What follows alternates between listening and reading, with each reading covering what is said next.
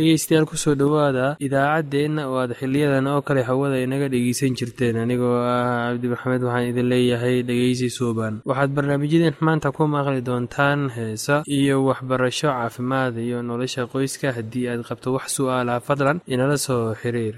Ciwaankeenna waa radio somaly at yahu dt com. Mar labaad ciwaankeenna waa radio somaly at yahu dt com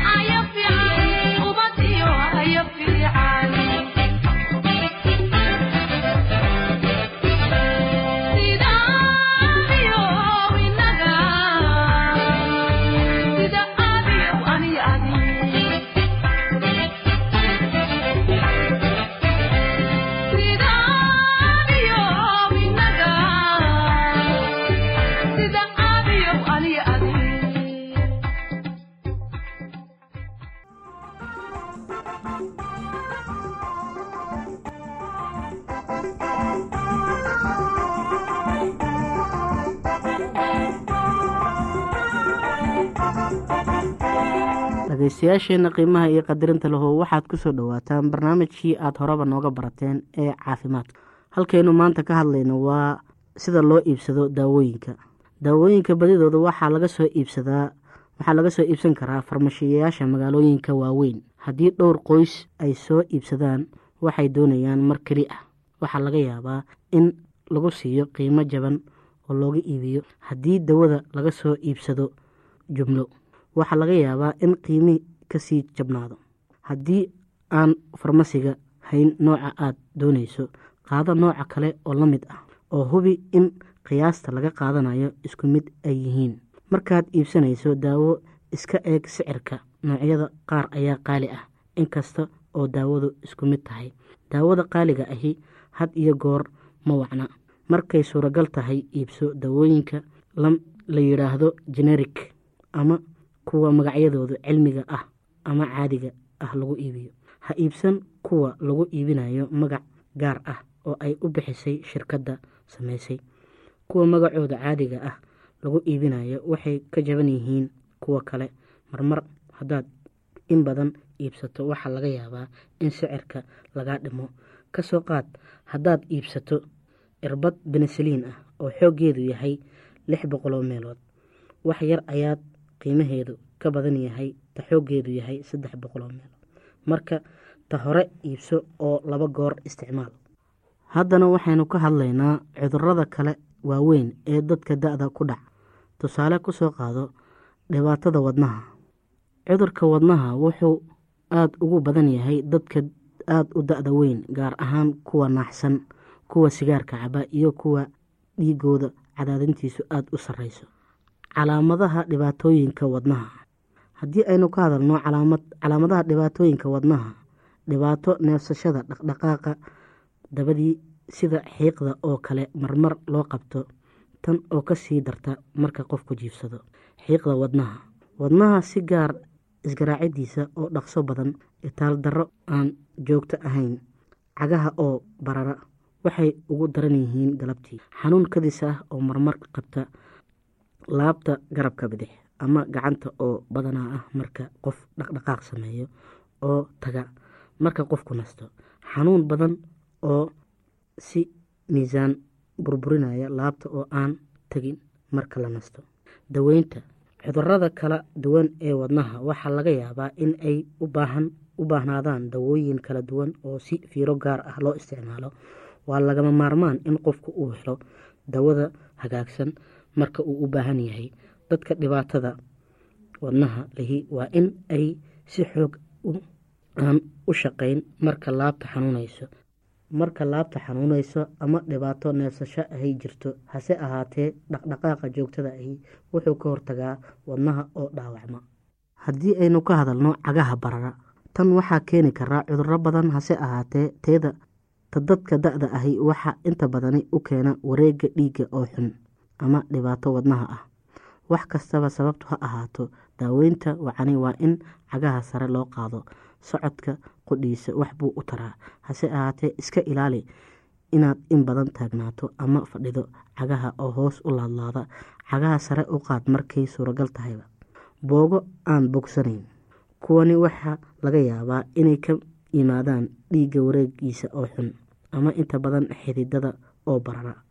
Marmar ka adka kaadimacaan ayaa u sabab ah. Boogaha ka yimaada dhiigga wareegiisa oo xun muddo dheer ayay qaadataa bogsashadoodu. Boogaha haddii si nadiif ah loo daweeyo ku maydh biyo la karkariyey iyo saabuun bandhajka mar walba ka bedel haddii calaamadihii uu bukaanka ka muuqdaan u dawee sida lagu sheegay. Markaad fadhido ama aada huruddo cagaha sare u qaad. Kaadida dhibaatada ah ragga waaweyn ee kaadida dhibaatada u keena waxaa laga yaabaa kaadidooda waxay u dhowdahay in xididka kaadida oo xididka kaadida haysta oo ballaadha. Dhageystayaasheena qiimaha iyo qadarinta lahu halkaa waxaa noogu dhammaaday barnaamijkii caafimaadka. Waa shiina oo idin leh caafimaad wacan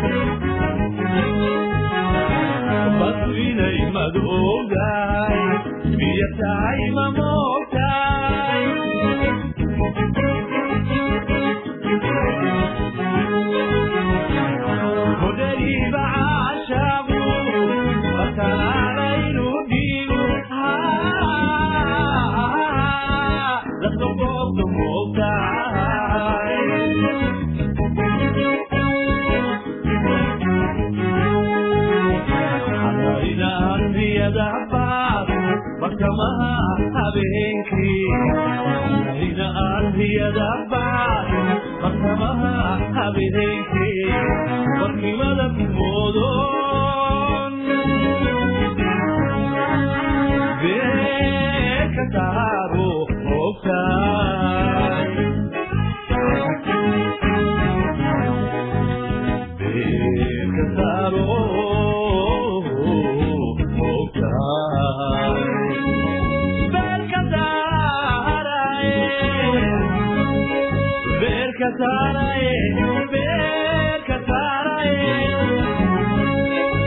beerka saaray adan ha uga adahana uga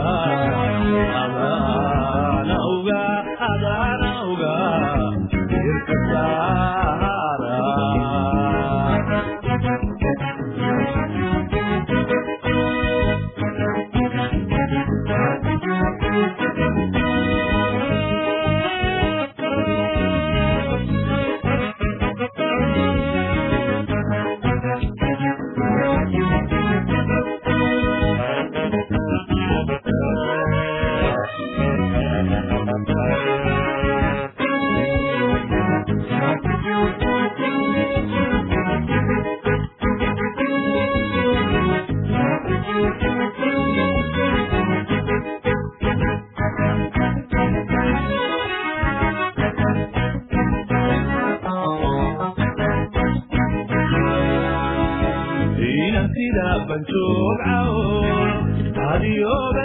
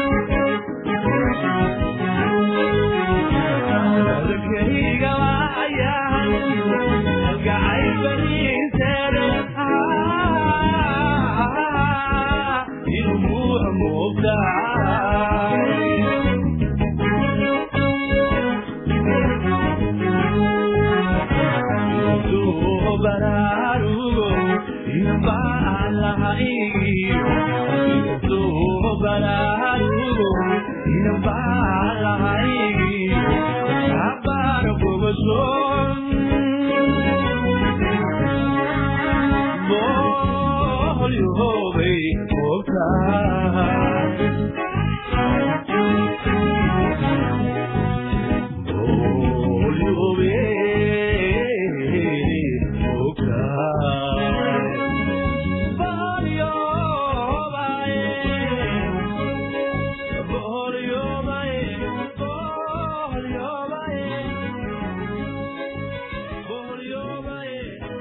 Dhaqaalayntu ma ahan mid sahlan waa mid adag oo inta badan isku qasan. Haddii aadan rumaysanaynin bal isku fiiri hal maalin uun.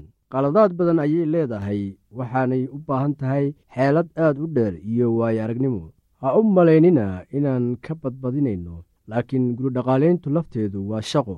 Waxay u baahan tahay xirfad si loo barto sidii loo samayn lahaa waxyaalaha la doonayo in la sameeyo.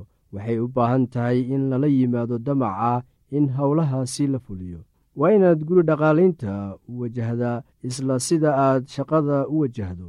Xagga shaqadaada waxaad u baahan tahay tababar wanaagsan iyo waayo aragnimo marka waa inaad xil iska saartaa sida aad shaqadaada u socodsiin lahayd ama gurigaaga aad u dhaqaalayn lahayd.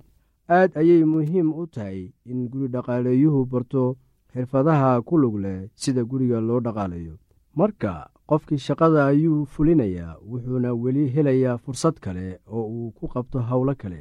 Guri dhaqaaleeyuhu waa madax waa maareeye waa shaqaale u qaybsan wada xidhiidhinta cunto karinta nadiifinta iyo dhardhaqidda intaa waxaa dheer iyadoo waa naag waa weheliye saaxiib iyo caawime. Sidoo kale waa hooyo waxaana dusha ka saaran mas'uuliyad badan iyo dhaqaalaynta carruurta. Waa shaqo culus sho aan habaysnayn iyo camal xun hadday isugu darsamaan kan guriga dhaqaaleeyaha ah waxaa ku dhacaya wareer. Mid ka mid ah sirta guri dhaqaalaynta ayaa waxay tahay inaad garwaaqsatid inay jirto shaqo guri oo la qabto. Gabdhaha badankoodu marka ay qorsheynayaan inay guursadaan aalaa waxay is-hilmaansiiyaan arrintan dhabta ah. Way xun tahay in ay kuu taalo shaqo badan oo aad qabato laakiin inaad aad u shaqayso adigoo shaqaynaya wakhti dheer oo haddana nacab shaqadaasi. Runtii waa masiibo ku haysata. Dabeecadda noocaas oo kale ah waxay qofka ka qaadaa farxadda qalbiga iyo xiisihii iyo noloshii uu qofku lahaa. Marka sida ugu wanaagsan ee loo sameeyo ayaa waxa ay tahay inaad ku faraxsanaato shaqada aad haysid. U sheeg nafsadaada inaad jeceshahay shaqada maxaa yeelay waxaad jeceshahay natiijada ka soo baxaysa. Natiijadaasoo ah guri lagu noolaan karo oo nolol iyo raaxo leh. Marka dharku qalali waayo oo kushiinkii ay ka buuxaan maacuun wasaq ah oo ilmihii ay sariirta ku jiifaan oo jiran yihiin markaa waad jahawareeraysaa oo noloshii ayaa kugu adkaanaysaa adigoo oggolaata sida ay xaaladdu tahay ayuunbaa kaga adkaan kartaa qalbijabka oo aad nabad lahaan kartaa ma ahan adiga oo carara ama shaqadii iska casila. Shaqada guriga dhaqaalaynta waa mid aad u culus laakiin way xiise badnaan kartaa. Taasina waxay ku xiran tahay habka aad u waajahdid iyada. Naagta guriga joogta way caajisi kartaa oo way qalbi jabi kartaa. Markii shaqada sii korodho maalinba maalinta ka dambaysa. Nimankii cilmi baaridda ku sameeyey guurka ayaa waxay soo ogaadeen in dhibaatooyinka guurka badankooda uu ka dhasho habxumidda guriga ka jirta shaqada guriga si caadiyan ah isagama timaado. Qofka ayaa hadda ka hor wuxa uu yidhi naagta qaangaarka ah waxay aqbashaa xadidka ku yimaada doorashadeeda. Waxaad dooratay inaad naag noqoto. Haddeerna laga yaabaa inaad hooyo tahay. Doorashooyinka noocan oo kale ah waxay kuu keenayaan xadidaad sida shaqooyin kuu baahan oo aadan ka weecan karin. Waxaa kale oo ay leeyihiin abaalgud fara badan iyo waayo aragnimo aadan lahaan lahayn haddii aad doorato waxyaalo kale. Waxaad u baahan tahay waxa weeye adiga oo la yimaada dabeecad habboon taasoo ah sirta farxadda islamarkaasi aad ka shaqaynaysid habaynta guriga. Xusuuso islamarkaasi aad tahay haweenay guri. Waxaad tahay qof muhiim ah bal ka waran adiga oo awood oo aan haddana innaba ha yaraatee wax muhiimad u lahayn kuwa kale farxad ayay keentaa marka aad muhiim u tahay kuwa kale. Dabeecadda muranka iyo fikirka xun ku jiro waxa uu kaa haleelayaa. Haddii aad qabto wax su'aalaha fadlan inala soo xiriir. Ciwaankeenna waa radio somaly at yahu dt com. Mar labaad ciwaankeenna waa radio somaly at yahu dt com. Barnaamijyadeena maanta waa naga intaas